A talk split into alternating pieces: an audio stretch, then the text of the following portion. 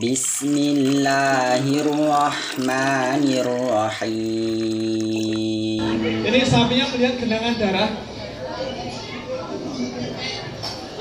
Kemudian suasananya sangat ramai.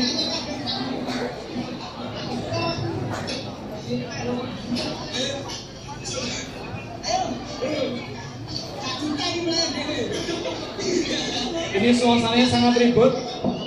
Sapinya gelisah. Dan kalau sapi gelisah, biasanya ekornya akan dikopak-kapitkan. Ya Bapak Ibu, jadi sapi tidak boleh melihat temannya disembelih, tidak boleh melihat genangan darah, dan suasananya tidak boleh ribut. Kalau suasana sangat ribut, sapinya panik. Seperti ini, ini sapinya gede sekali. Awalnya suasananya sangat tenang, tapi kemudian anak-anak kecil rame. Sapinya semakin panik dan semakin panik. Lihat apa yang terjadi.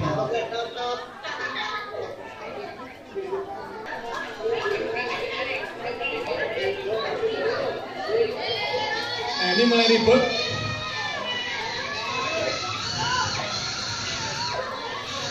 Sangat ribut.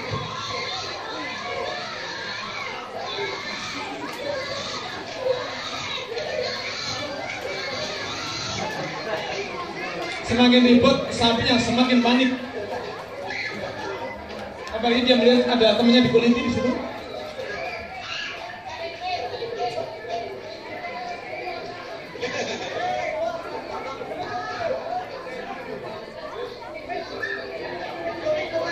Bapak Ibu, ini kenapa orang-orang pada lari- lari-lari kenapa ini?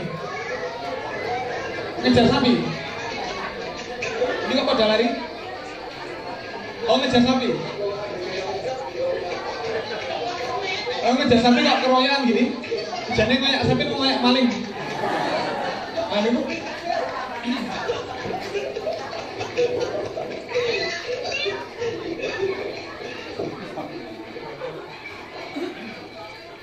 Bapak Ibu, kalau sapi lepas, tolong yang mengejar itu satu atau dua orang saja. Yang lain kembali ke base camp, yang lain kembali ke masjid. Yang ngejar cukup satu atau dua orang saja. Kalau yang ngejar orang sekampung, apalagi sekecamatan, sapinya semakin panik. Dia akan lari semakin panik. Tadi saya juga menduga mereka mengejar sapi. Tadi. Tapi kemudian ini ketika sapinya mendekat balik itu malah lari. Katanya mengejar sapi. Nah ini sapinya dia kembali malah lari.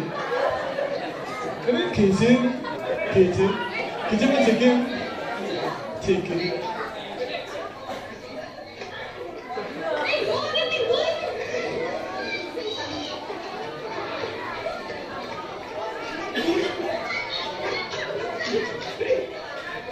Jadi Bapak Ibu kalau sapi lepas sudah biarkan biarkan dia tenang dulu. Nah setelah tenang nanti cukup satu atau dua orang saja pelan-pelan mendekati sapi itu pelan-pelan saja tenang. Nah setelah tenang kemudian dipegang talinya dipuk-puk. Dipegang tali kelohnya ini ini tali keloh itu yang di hidung ini. Ini tali kunci. Nah kalau nuntut tali panjang nggak apa-apa. Tapi kalau sapinya mulai panik yang dipegang tali keluh. Nah, pegang tali keluh dan dipok-pok. Kemudian direh-reh. Sampaikan, wis, rapopo. Mau kayak mencah cilik-cilik. Mulai ya, kau tak paringi permen. Jangan dibuat panik. Dan dikeroyok orang sekampung dia lari mesti. Refleks dia. Nah, Bapak Ibu, ini tali keluh. Tali keluh itu tali kunci yang ada di hidung. Ini kalau di Indonesia. Kalau di luar negeri, tali keluh itu bentuknya seperti cincin atau gelang, seperti ini. Nah, ini ini keluh di sini, di hidung. Ini untuk mengendalikan sapi. Jadi fungsi keluh ini adalah untuk mengendalikan sapi ketika dia beringas. Nah, ini mestinya hanya ada di sapi, tapi saya heran, kok ada juga orang yang pakai kayak gini loh. Atau mungkin kalau dia beringas dikendalikan oleh hidungnya itu. Kalau ini kurang gawean. Nah itu sebelum penyembelihan. Sekarang saat penyembelihan. Bapak Ibu, kita baringkan hewan menghadap ke arah kiblat. Kiblatnya pun di ya. Bapak Ibu, kalau kita baringkan sapi menghadap ke arah kiblat, niku ndase ten pundi? Utara. Nggih ndase pas nang awake to nggih. Kan ndase ten pundi? Masih di badannya. Tapi posisi kepala itu ada di sebelah mana badannya? Sebelah utara apa sebelah selatan badan sapi? Sebelah? Ini selatan itu utara, selatan utara. Yang benar yang mana? Bapak Ibu, dulu pernah dikisahkan Rasul itu ketika menyembelih hewan, beliau membaringkan hewan di atas lambung kirinya. Lambung kiri kan ini. Berarti kalau membaringkan di atas lambung kiri kan berarti begini. Berarti dasar putih. Selatan. Kepala di selatan. Nah kalau kepala sapi di selatan, arah kakinya ke mana? Utara. Jadi nek menungso kalau manusia kepala di selatan, kakinya di utara. Dan kalau sapi, masuk di eret-eret di barat, ya. Tapi Bapak Ibu membaringkan hewan menghadap ke arah kiblat itu bukan rukun atau bukan kewajiban. Itu hanyalah adab saja. Artinya terpaksa sapi tidak bisa menghadap ke arah kiblat itu tidak apa-apa. Sembelihannya tetap sah, dagingnya tetap halal. Karena membaringkan menghadap ke arah kiblat itu hanyalah adab saja. Kemudian berikutnya pegang atau ikat kemak kakinya dengan kuat. Kemudian uh, eh, SOP-nya wajib baca Bismillah. Kemudian takbir, sholawat dan yang lain-lain. Misalnya begini, Bismillahi Allahu Akbar. Allahumma min siapa gitu, Bapak Fulan atau Ibu Fulana. Rabbana taqabbal qurbana Bismillahi Allahu Akbar atau yang lain. Silakan. Minimal membaca basmalah dan disebutkan nama sahibul kurbannya. Kemudian Bapak Ibu, mari kita lihat video lagi. Tolong diperhatikan, kita akan menayangkan video penyembelihan binatang. Yang katanya ini penyembelihan super cepat. Silakan dicermati sembelihannya benar apa salah. Mari kita lihat. Ini sembelihannya benar apa salah? Kalau benar kenapa? Kalau salah kenapa?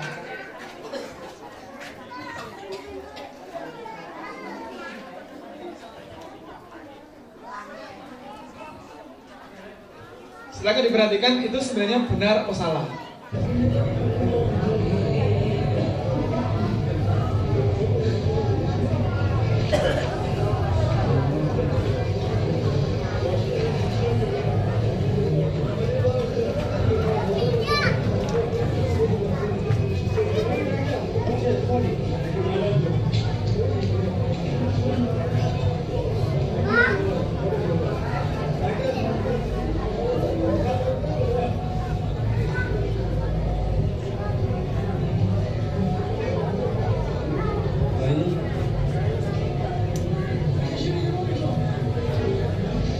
Ini penyembelihannya super cepat.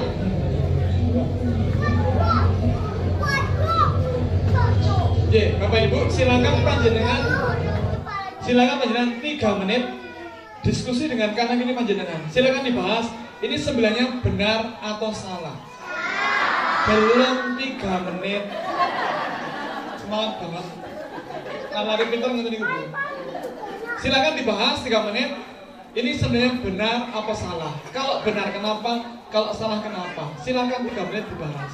Monggo tiga menit. Monggo Bu, jenengan dengan kanan kiri panjenengan silakan dibahas. Tiga menit. Baik, sudah tiga menit. Bapak Ibu panjenengan yang berpendapat sembelihannya benar, acungkan tangan.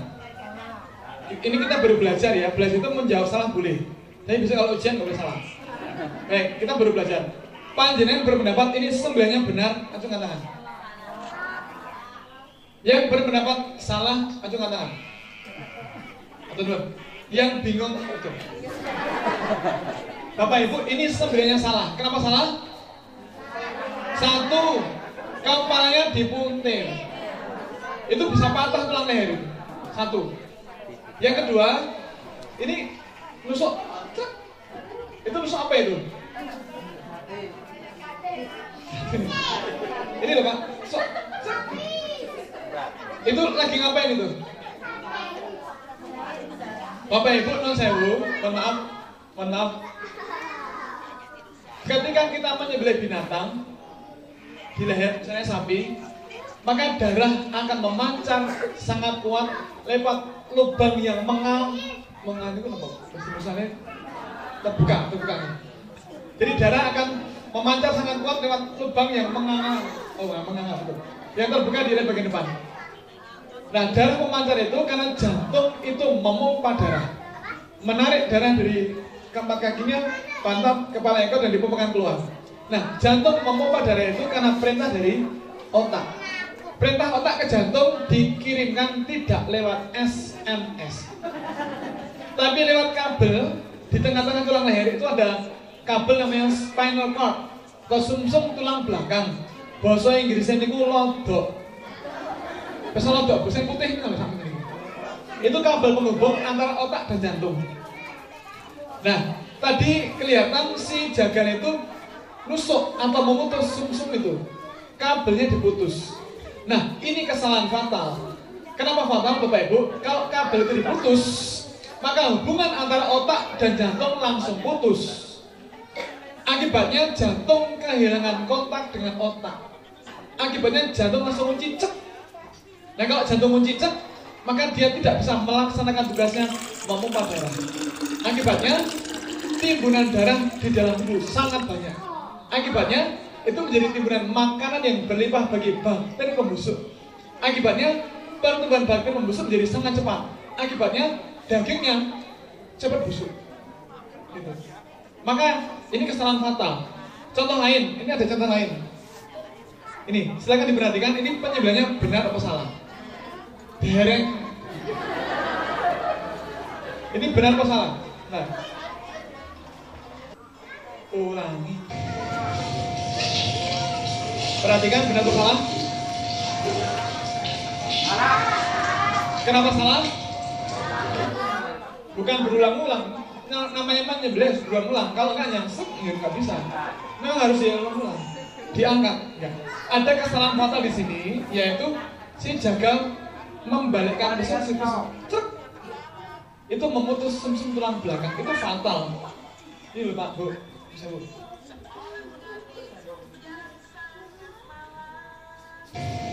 Ini Pak, perhatikan ini. Satu, dua, tiga, nih. Nah, itu kesalahan fatal.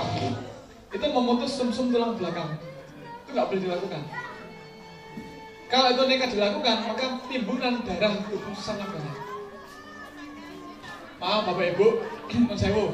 Ini sebelum ke mana-mana, eh, saya kepengen cek panjenengan.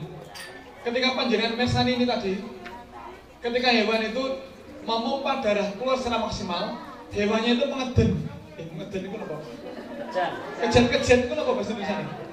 Kejam-kejam. Nah, kejam-kejam. Kira-kira hewannya kesakitan apa tidak itu? Sakit. Panjenengan berpendapat hewannya kesakitan, acungkan tangan. Satu, dua, tiga, empat ratus. Oke. Yang berpendapat tidak kesakitan, acungkan tangan. Satu, dua, tiga, puluh. Yang bingung acung. Oh, malah kan. Apa ya bu, non sewu, keparang saya matur panjenengan. umumnya orang berpendapat, umumnya orang berpendapat bahwa ketika hewan itu meronta-ronta, menggelapar-gelapar, kejang-kejang itu adalah ekspresi rasa sakit. Ternyata tidak. Bu, non sewu, maaf, saya pernah sekolah di Inggris. Nah dulu pernah dapat informasi ada penelitian di Jerman yang dilakukan oleh pemerintah School dan Kerazim itu membandingkan cara yang paling baik antara cara syariat Islam atau cara orang Barat tentang penyembelih hewan. Nah ternyata hasil penelitian menunjukkan bahwa hewan yang disembelih secara syar'i, secara syariat Islam ternyata tidak merasakan sakit. Cara penelitiannya adalah pada sapi itu di kepalanya di otak itu dipasang alat perekam rasa sakit namanya EEG, elektroencephalogram. Itu dipakai untuk mengukur rasa sakit yang kemungkinan diderita oleh hewan. Setelah alat itu dipasang, alatnya dicek. Itu ada grafiknya. Kalau sapinya dijibit, sakit nggak? Dijibit. Dijibit, sakit kan? Grafik naiknya sedikit. Nah kalau sapi ditabok, buang gitu, grafik naik lebih tinggi lagi karena lebih sakit. Nah kalau sapinya ditendang, dia balas. loro lho tendang. Kena sedikit itu jangan sampai. Nah, ternyata Bapak Ibu, ketika hewan disembelih, dicek, ternyata grafik EEG yang merekam rasa sakit itu tidak naik. Tapi malah turun, drop sampai angka nol. Nah, itu menunjukkan bahwa hewan yang disembelih itu tidak merasakan sakit. Jadi, ketika dia mengejan atau kejang-kejang, itu ternyata bukan ekspresi rasa sakit, tapi keterkejutan saraf dan otot ketika darah di keluar. Ser, Itu dia kejang-kejang karena ada sesuatu yang keluar dari tubuh. Dan kejang-kejang itu bukan ekspresi rasa sakit. Nek jenengan bu, nek jenengan berpitados, makin dalu jenengan ngejak garwane jenengan. Untuk mengeluarkan sesuatu terus ser gitu terus dia kejang-kejang sakit. Di balani be ada anak-anak ibu ini betul pak jenengan sakit betul be atau tadi malam? Betul dong makanya putranya kata jadi bapak ibu ketika hewan kejang-kejang itu bukan ekspresi rasa sakit. Jadi ternyata uh, pemahaman kita selama ini ternyata keliru. Ternyata hewan itu tidak merasakan sakit. Malah sebaliknya. Jadi ketika kita menyembelih hewan ternyata kita tidak sedang menganiaya hewan. Tapi membuat agar daging hewan itu jadi layak dikonsumsi nah kemudian tadi ada yang ada yang mengatakan bahwa lah ini pesone diangkat Bapak Ibu, memang ada hadis Nabi mengatakan janganlah kalian mengangkat peso kalian ketika menyembelih. Nah, hadis ini dimaknai dua hal oleh para ulama. Sebagian kecil ulama mengatakan itu adalah makna sebenarnya. Artinya ketika menyembelih peso harus nempel terus. Jadi kalau satu jam nggak mati-mati, nempel terus. Kalau diangkat batal. Itu pendapat sebagian kecil ulama. Tapi pendapat sebagian besar ulama mengatakan bahwa itu adalah makna tidak sebenarnya atau makna kiasan. Artinya penyembelihan itu harus sempurna. Artinya sempurna memutus tiga saluran. Tidak boleh, maaf Bapak Ibu, yang diputus saluran apa saja? Makanan, nafas, dan pembuluh darah. Tiga saluran itu harus terputus.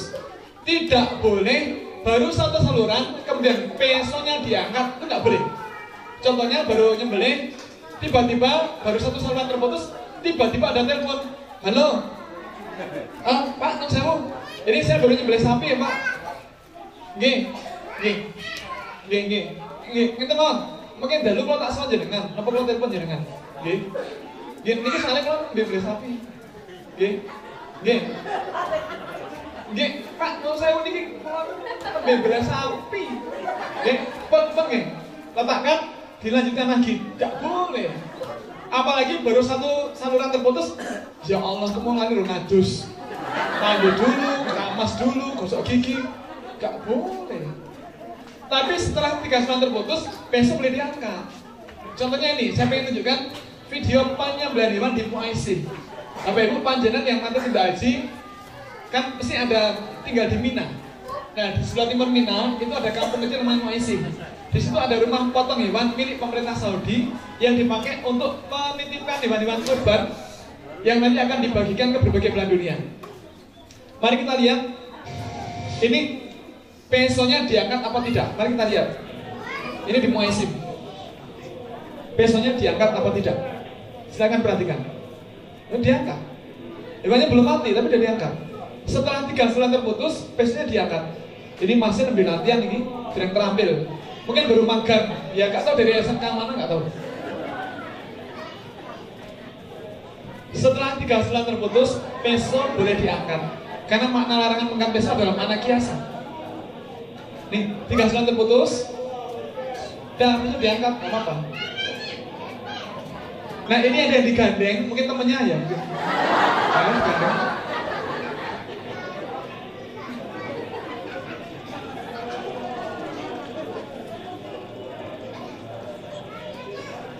menurut para ulama di Saudi ini sebenarnya sah.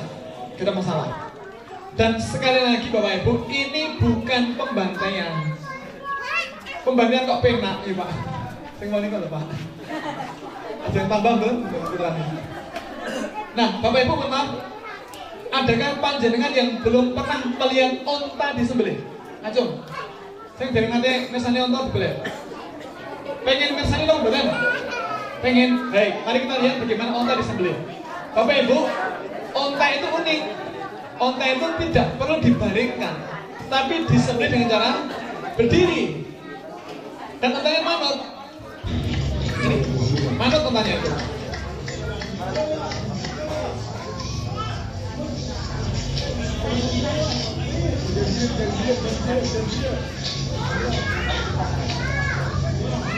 Ayo baris, baris. Itu pesannya runcing. Ayo baris.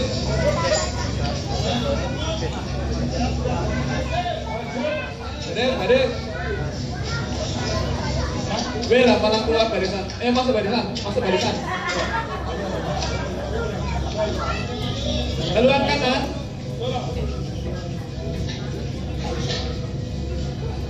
Ini jagalnya masuk. Ini pesonya dipegang tangan kiri.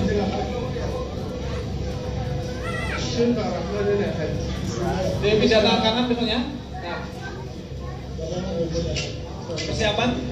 Baca bismillah dulu mas. Baca bismillah. Siap.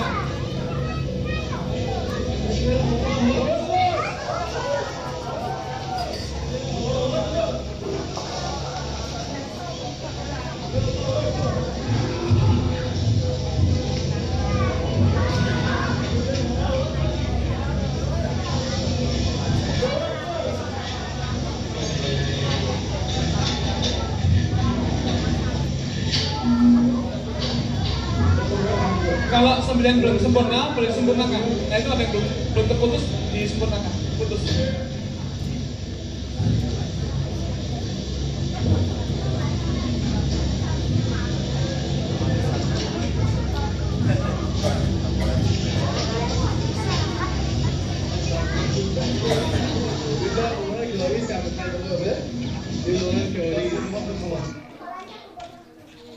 Oke, jadi Bapak Ibu, unta itu menarik ya. Maka panjenengan kalau besok ditanya orang, tetangga misalnya, Bu jenengan apa nanti misalnya onta dibelek? Empur nanti, ten di ten rumah saja Jadi apa sedang ini? Nah, Alhamdulillah dengan rawol Bu. Kemudian, nah Bapak Ibu, sohibul kurban itu lebih berhak untuk menyembelihkan kurbannya. Jadi monggo ini yang putra-putra ini latihan agar besok terampil. Harus latihan, harus berani. Nah, sohibul kurban lebih berhak. Nah sekarang kalau sohibul kurbannya itu mbak-mbak masih gadis, mahasiswi misalnya, itu gimana? Boleh apa tidak wanita menyembelih? Boleh apa tidak? Bapak Ibu, kalau wanita menyembelih karena mungkin sudah punya penghasilan, kemudian berkurban, kepengen menyembelih, itu boleh apa tidak? Sah apa tidak? Bapak Ibu, kalau wanita menyembelih itu boleh tapi jangan. Sembelihannya sah tapi jangan. Kenapa? Kenapa?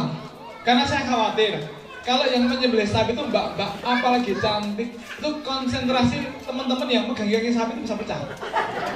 Dicekli malah sikile kancane mungkin. Apa sikile dicekli? Sudahlah.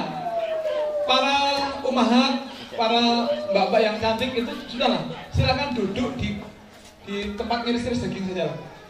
Itu yang nyembelih sapi biarkan yang yang kangkung, yang kangkung saja. Kemudian Bapak Ibu, nah ini penting.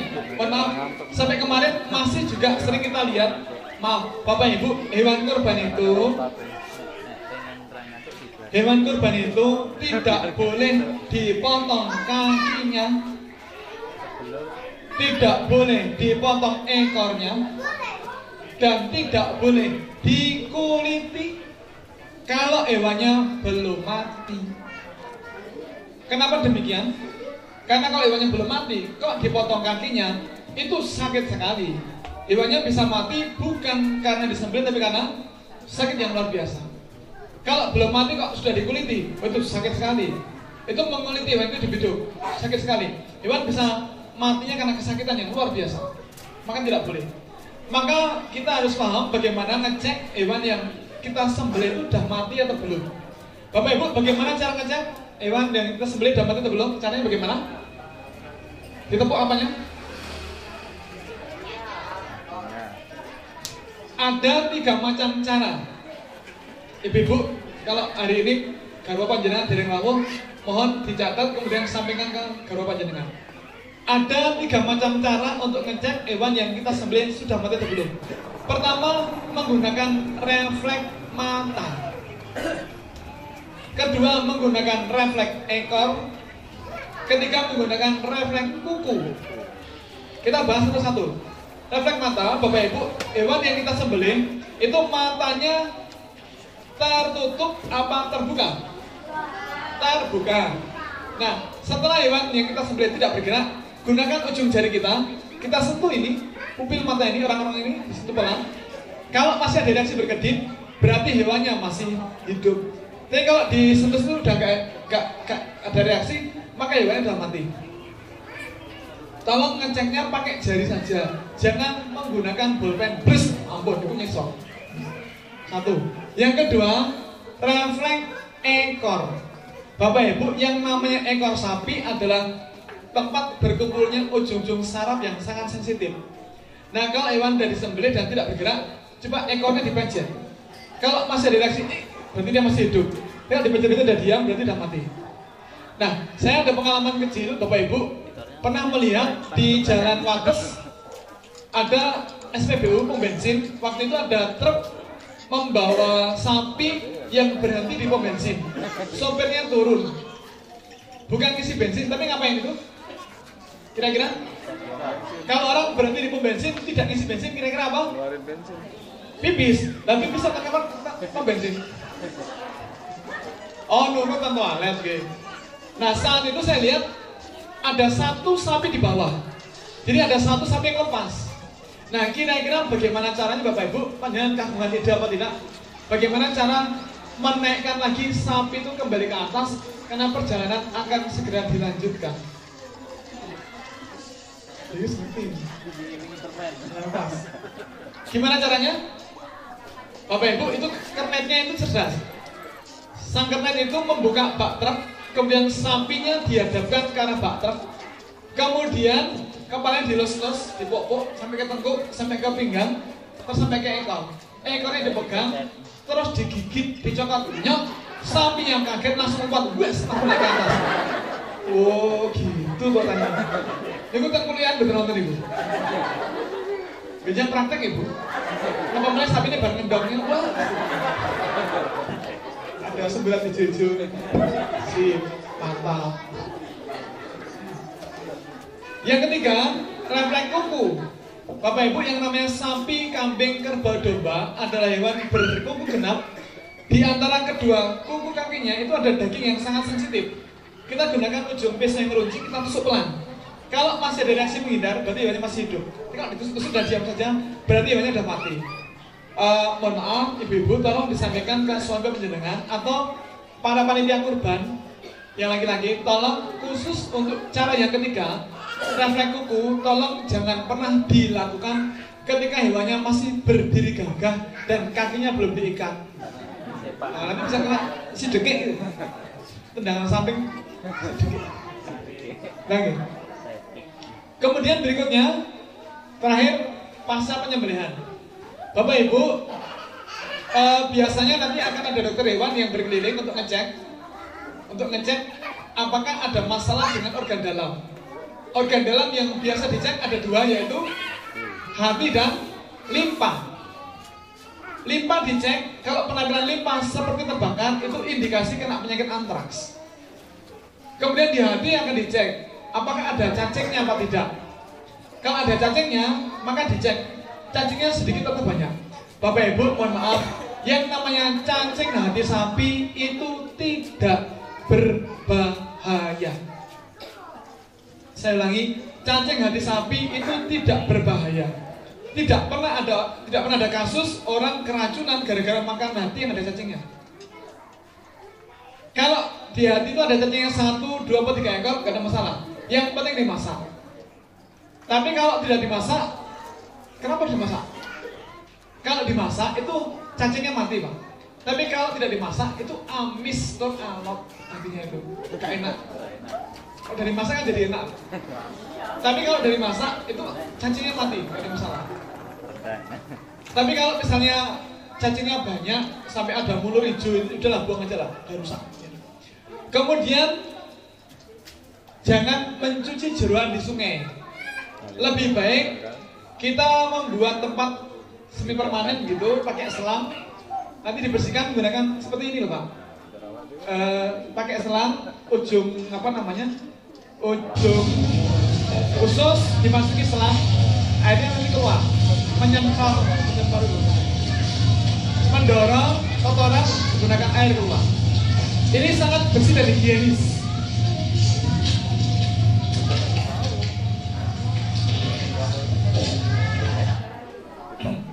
Moga nanti uh, bisa kita praktekkan mulai besok.